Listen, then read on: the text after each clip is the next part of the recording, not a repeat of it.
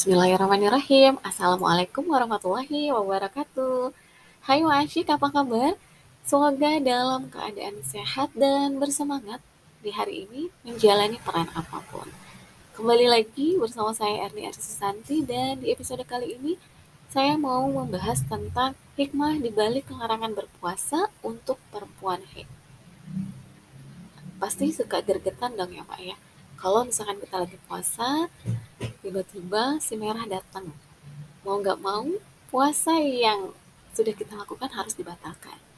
Apalagi kalau misalkan udah mau maghrib, benduk segera berbunyi, tapi kita berbuka lebih awal. Gregetan banget kan ya Pak ya? Nah, kondisi ini wajar karena momen puasa di bulan Ramadan itu adalah momen yang dinantikan, termasuk diri kita gitu ya, karena banyak kebaikan di bulan Ramadan, kemudian banyak pahala dilipat gandakan gitu. Kebaikan-kebaikan bertaburan di bulan Ramadan. Jadi wajar kalau misalkan kita suka gergetan kalau nggak bisa puasa sampai full 29 atau 30 hari. Nah tapi sebagai seorang muslimah kehadiran sekarang ini nggak bisa dihindari gitu ya. Karena ini sudah menjadi fitrah dan sebagai satu bentuk kasih sayang Allah berikan.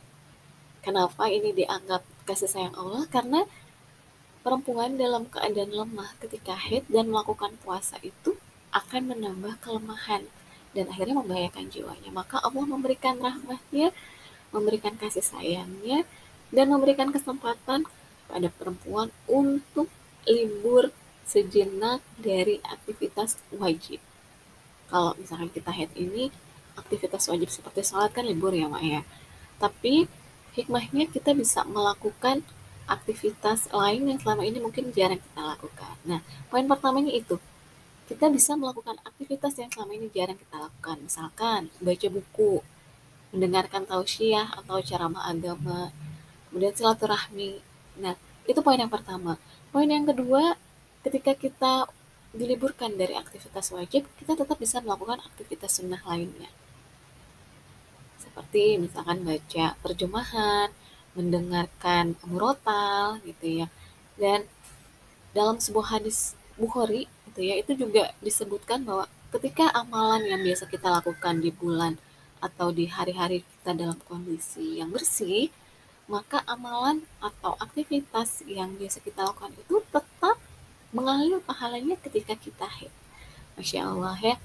Jadi nggak usah khawatir mak dalam keadaan head pun Allah tetap memberikan kasih sayangnya. Gitu tadi gitu ya. Pahala tetap mengalir ke kita. Kemudian yang ketiga adalah ketika kita uh, tidak puasa karena haid gitu ya kita bisa lebih mengenali dan mencintai diri kita. Bahwa kita ini adalah perempuan sesuai fitrahnya Allah berikan berbagai kelakuan, keistimewaan gitu ya. Dan semakin membuat kita merasa bahwa kita ini perempuan yang luar biasa, makhluk yang Allah ciptakan dengan sempurna. Gitu.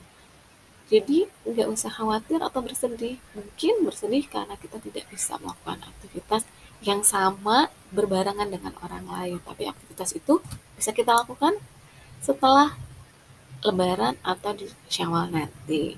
Nah, tiga hikmah ini semoga bermanfaat dan inspirasi buat emak semua bahwa dalam kondisi apa pun selalu ada hikmah yang bisa kita dapatkan. Terima kasih sudah menyimak podcast Ciamik episode kali ini. Nantikan juga episode lainnya bersama saya Erni Arisusanti. Wassalamualaikum warahmatullahi wabarakatuh.